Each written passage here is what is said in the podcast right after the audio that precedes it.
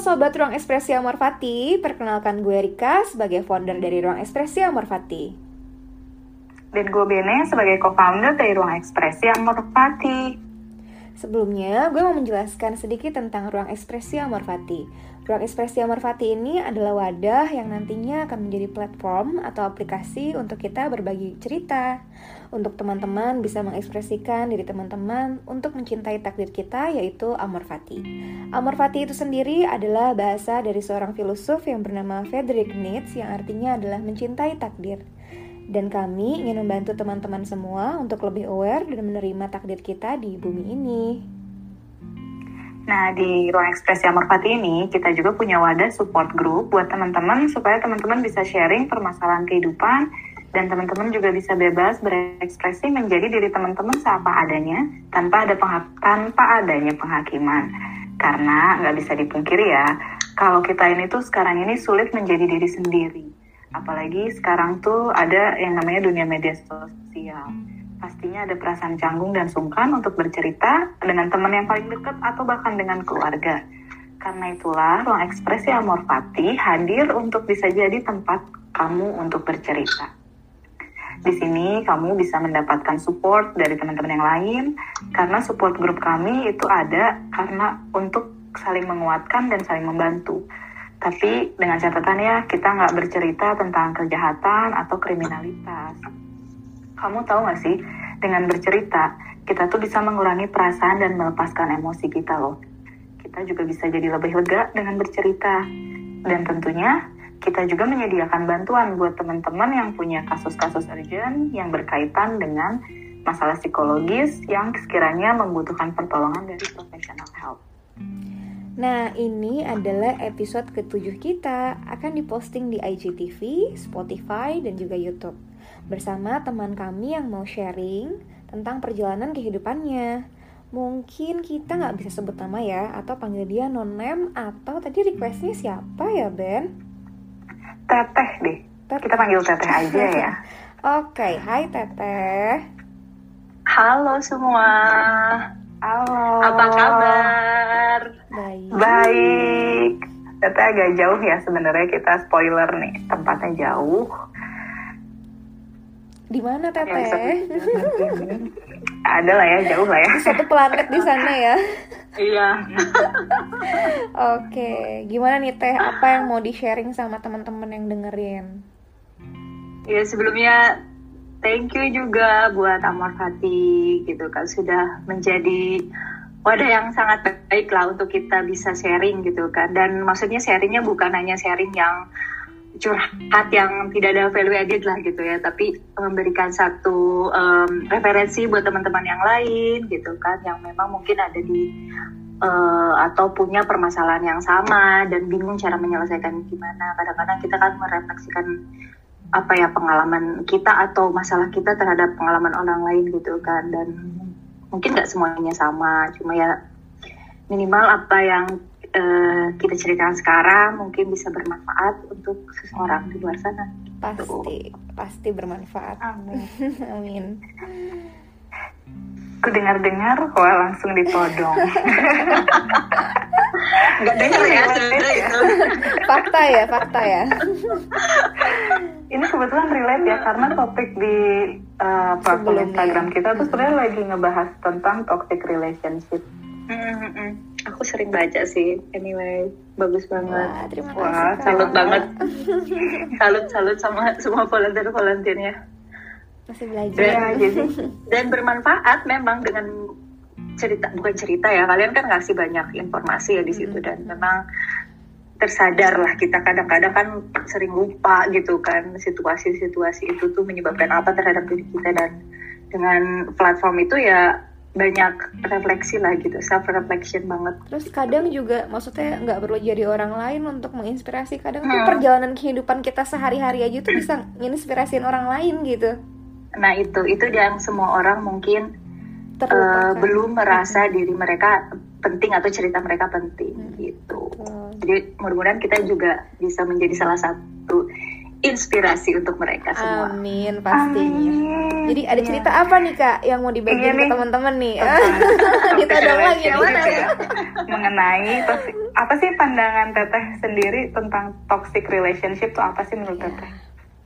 Sebenarnya bukan pandangan sih ya, karena sudah merasakan gitu kan. Oh, udah mengalami. gitu kan ya. Tapi lebih ke apa ya kalau toxic relationship sebenarnya bukan kita kan masih bicara di sisi kita ya gitu Mm-mm. kan.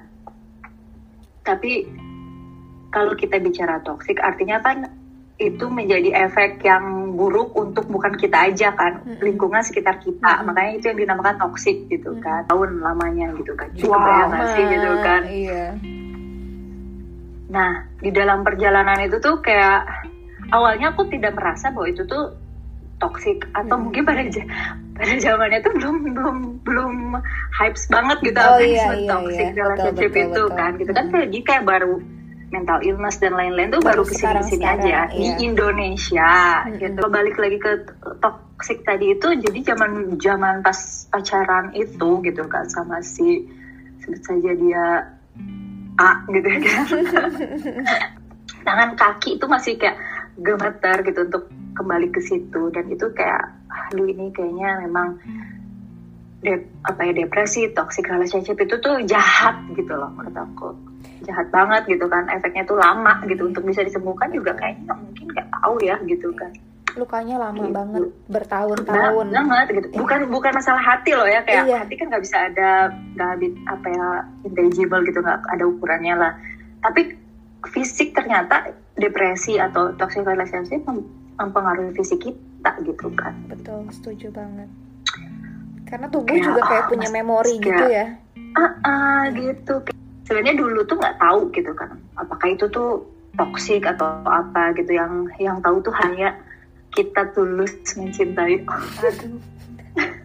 jadi juga bingung kan ya dulu tuh kan nggak Iya. tahu gitu kan emang tuh segitu toksik tuh gitu gitu kan nah cuma eh, kalau kita bisa balik lagi ke kenapa bisa toksik gitu kan karena ya aneh aja gitu kan kayak perilaku kayak di hubungan pacaran terus selingkuh itu menjadi hal biasa buat aku gitu kan Wow.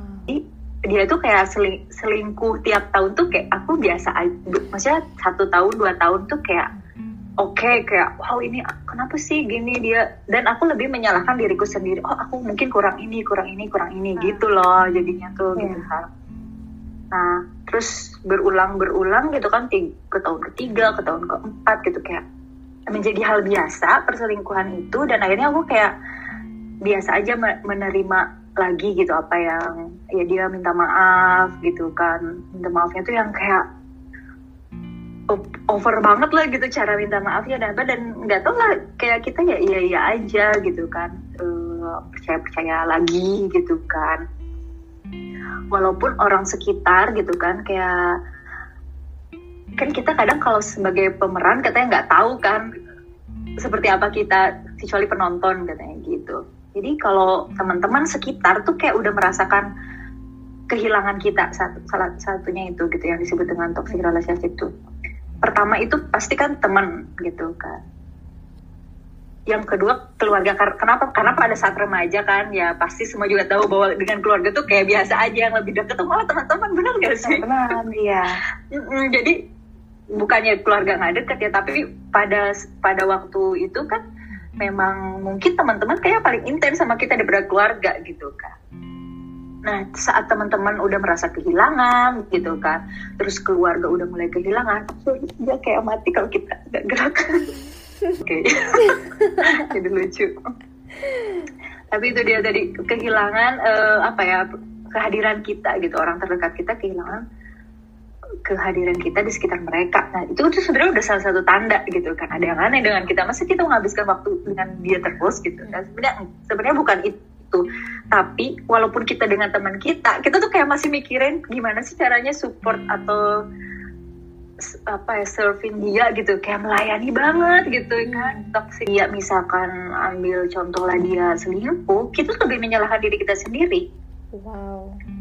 Kayaknya aku ada yang kurang deh. Aku kenapa ya? Aku harus ngapain? Dan memang si orang ini tuh selalu bilang kayak ya makanya kamu tuh harusnya kayak gini kayak gini. Kamu tuh kurang gini kurang gini kurang gini. Makanya kalau kamu bisa kayak gini aku mungkin gak akan kayak gini. Gitu. Kayak bukan pada saat pada momen dia selingkuh pun aku kayak masih memaafkan malah pada ada ada satu saat di mana aku menelpon selingkuhannya dia dan bilang kalau dia itu sebenarnya udah punya pacar kalau kamu memang mau pacar yang utuh gitu mendingan jangan sama dia karena dia tuh setiap setiap saat tuh pasti bisa selingkuh lagi dan mungkin kamu juga akan selingkuhkan lagi gitu. Karena Pada jadi pola gitu, ya malah ngasih tahu orang bisa ya. Bukan kasus selingkuh aja yang paling fatal itu adalah pemukulan paling fatal itu. Oh ada kekerasan. Iya tapi banyak banget lah sampai ada satu momen yang pokoknya dia tuh kayak selingkuh gitu. Karena dia nggak mau disalahin terus pada akhirnya kita ber, bertengkar dan aku pergi begitu saja. Terus disusul sama dia terus kayak disusul tuh bukan kayak oh, sini minta maaf. Bukan malah dipukulin gitu loh. Wow.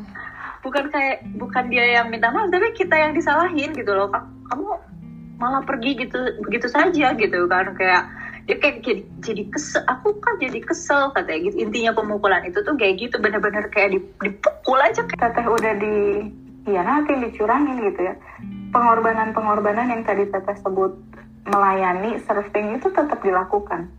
Tetap dan salah satu toxic itu udah gitu. jadi pola ya teh. Maksudnya udah jadi pola ya. gitu. Jadi pada ya buat dia sih mungkin biasa aja kali ya atau dia udah biasa kayak gitu nggak ngerti juga sih. Edukasi itu penting gitu penting banget gitu kan. Kadang kita nggak sadar gitu ah kita masa sih kayak gini? gitu kan. Karena misalkan ada edukasi bukan edukasi ada um, apa ya uh, teman ngasih tahu kita ngasih saran gitu kan. Tapi gak akan masuk gitu kan. Iya, karena itu kayak kita nanti malah diterima apa sih kok judge hmm. kayak gini ya? Gitu kan. So tau lah harus sadar apa. dari diri sendiri ya hmm, gitu. Dengan bunuh diri. Ya jadi percayalah kepada orang yang bercerita kalau dia sudah melakukan bunuh diri berarti iya gitu kan. Dan itu nggak mudah gitu kita untuk menceritakan itu. Oh. jadi jadi pada momen itu tuh sampai uh, ya udah bunuh diri aja kayak minum se obat sesuatu yang akhirnya kolaps gitu kan tiba-tiba udah di rumah sakit. Dan nah tapi uh, sebenarnya melanjutkan kehidupan itu bukan karena dia ya karena semenjak kejadian bunuh diri itu aku jauh lebih jadi lebih dekat dengan keluarga yang pertama sejak kejadian itu. Nah itulah alasan kenapa aku ada semangat lagi gitu kan. Karena aku merasa oh itu mulai terbuka sedikit demi sedikit gitu kan bahwa apa ya uh, acceptance dulu lah ya sama diri iya, kita sendiri. Oh kita nih ada di di pokoknya kejadian bunuh itu aku kayak di diberikan berkah untuk bisa membuka diriku gitu kan. Dan orang lain itu tahu gitu kan. Jadi kayak aku tuh orangnya kayak kalau masalah hati dan perasaan kayak ah, kayaknya ini cuma perasaan aja apa. Tapi kalau udah kena fisik kan kayak bunuh diri tadi gitu kan kayak aku udah kayak diambang banget gitu kan dan tersadar benar-benar tersadar gitu kan dengan melihat keluarga gitu kan menangis gitu kan orang tua nangis kesel kali ya mereka juga gitu kayak gak ngerti lah mungkin pada saat momen itu jadi lebih guyup gitu lah keluarganya gitu kan lebih guyup dan aku juga jauh lebih terbuka dengan orang tua gitu kan motivasinya nah, karena melihat momen, keluarga ya? Iya melihat keluarga dulu gitu kan dan ke untuk kembali berhubungan sama dia juga karena melihat ibunya juga gitu kan hmm. dilanjut karena masalah itu gitu. Dan momen kelima tahun itu tuh kayak menjadi uh, apa ya mungkin kayak loncatan pertama aku gitu kan untuk uh, keluar dari toxic relationship itu gitu kan jadi lebih terbuka sih sebenarnya dengan diriku sendiri gitu kan. Tapi tetap bertahan ada pembimbing lain tahun ya. gitu ya. Kenapa? Iya bertahannya empat tahun. Iya ditambah bertahan lagi empat tahun. Iya sih itu aneh banget sumpah. Bilang kan generasi sekarang tuh lebih beruntung. Karena edukasi udah lebih maju, teknologi udah lebih maju, akses tuh mudah kamu raih. Tapi kalau kita lihat ke Teteh sendiri ya, di zaman yang waktu itu belum mudah untuk mengakses edukasi. Ternyata ketika Teteh mau membuka pikiran dan diri Teteh sendiri, sebenarnya si diri kita itu tuh selalu ngasih alarm dan nuntun kita sendiri dia butuhnya apa kayak nggak ada tuh teori journaling tapi kenapa teteh bisa nulis waktu itu? Nggak ada tuh teori tentang self awareness tapi kenapa teteh berpikir? Berarti kalau kita buka tuh sebenarnya diri kita tuh akan menuntun kita sendiri kepada jangan Sebenarnya dengerin itu, lah gitu. gitu ya. Mm, mm, mm. Sebenarnya harusnya udah ada kan yang tadi dibilang kalau udah masalah udah hati itu dan pikiran sudah tidak bisa mengampu rasa sakit atau rasa sedih, biasanya kena fisik kan ada disebut psik- psikis gitu kan penyakit psikis. Kalau dari habis dari psikolog gitu nggak ada nggak sih teh? Post trauma sindromnya Eh, apa ya? Iya Iya, efek dari situ kan, berarti kan after efeknya gitu Iya. kan.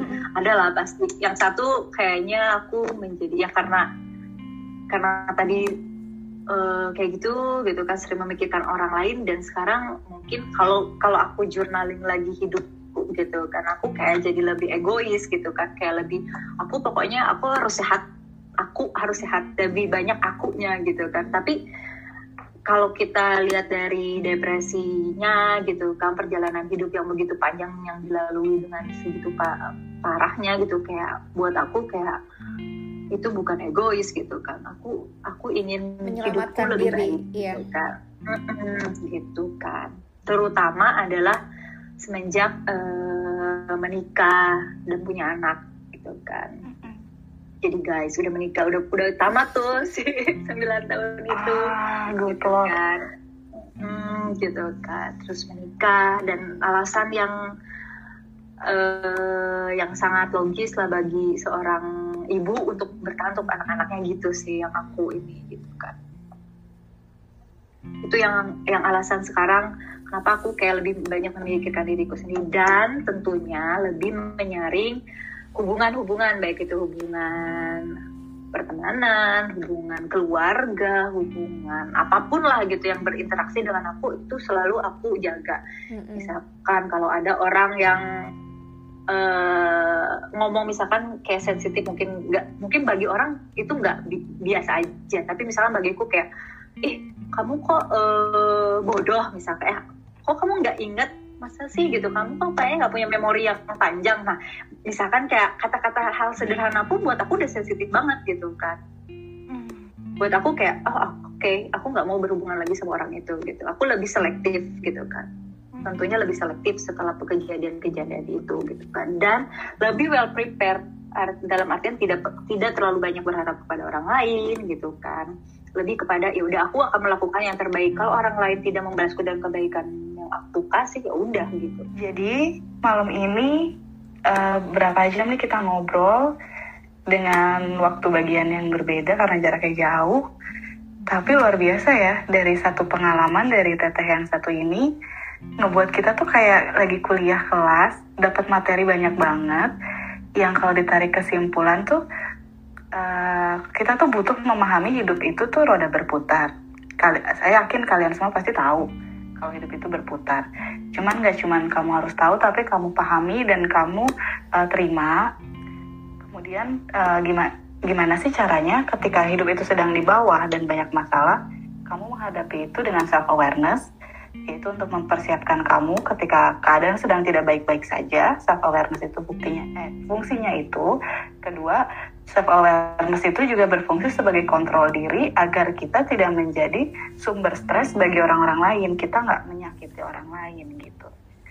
Jadi satu menguatkan diri kamu secara pribadi, kedua kamu nggak menjadi uh, toxic buat orang lain gitu.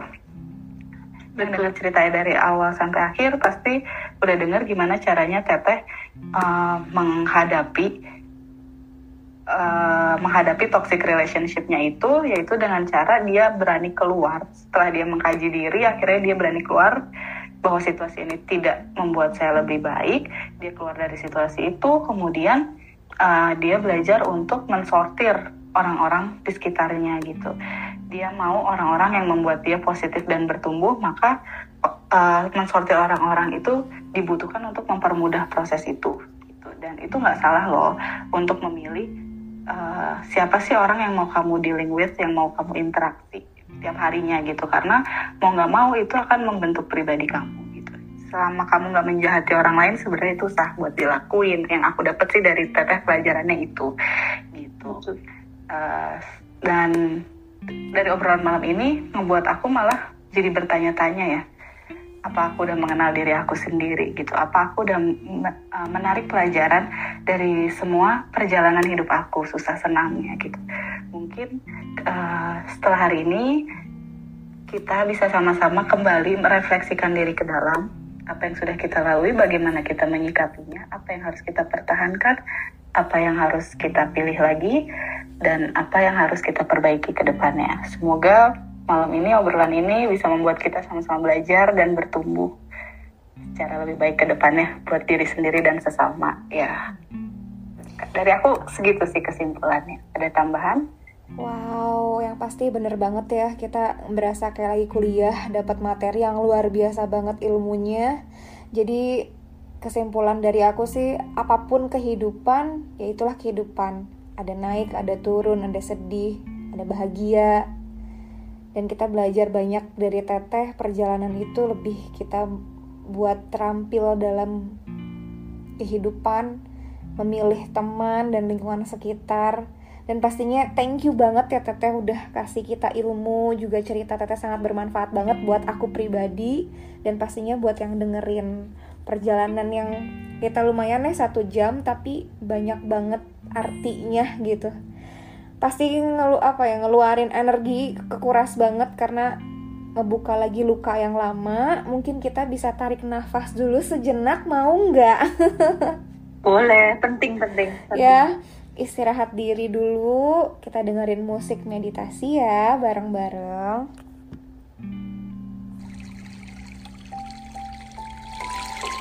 Kedengeran? Kedengeran boleh sama-sama kita pejamkan mata.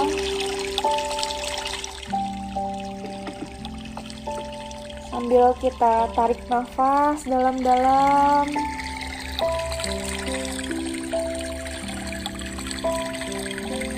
Buang dari mulut.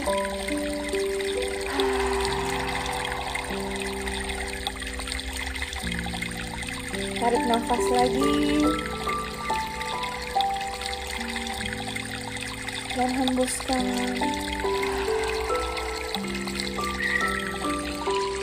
Sambil kita peluk badannya peluk bareng-bareng.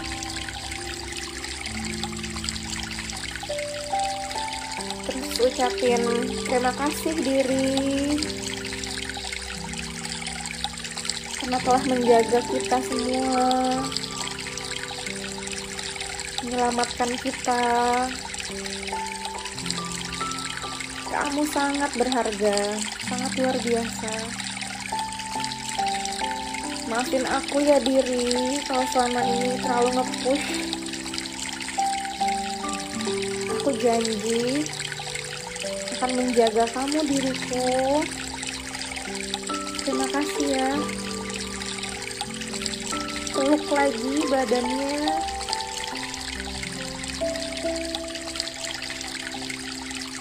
Bayangkan kita lagi ada di suatu tempat yang bikin kita nyaman, nikmati pemandangan. Bayangkan kita bahagia, kita bangga sama diri kita karena sudah berhasil sampai sejauh ini.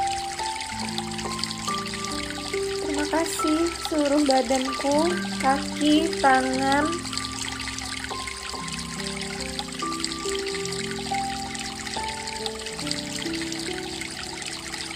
Terima kasih karena sudah mau berjuang.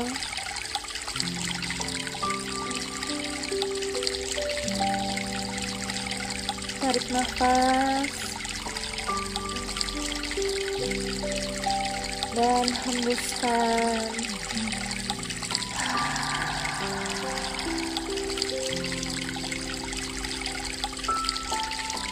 diatur nafasnya secara perlahan.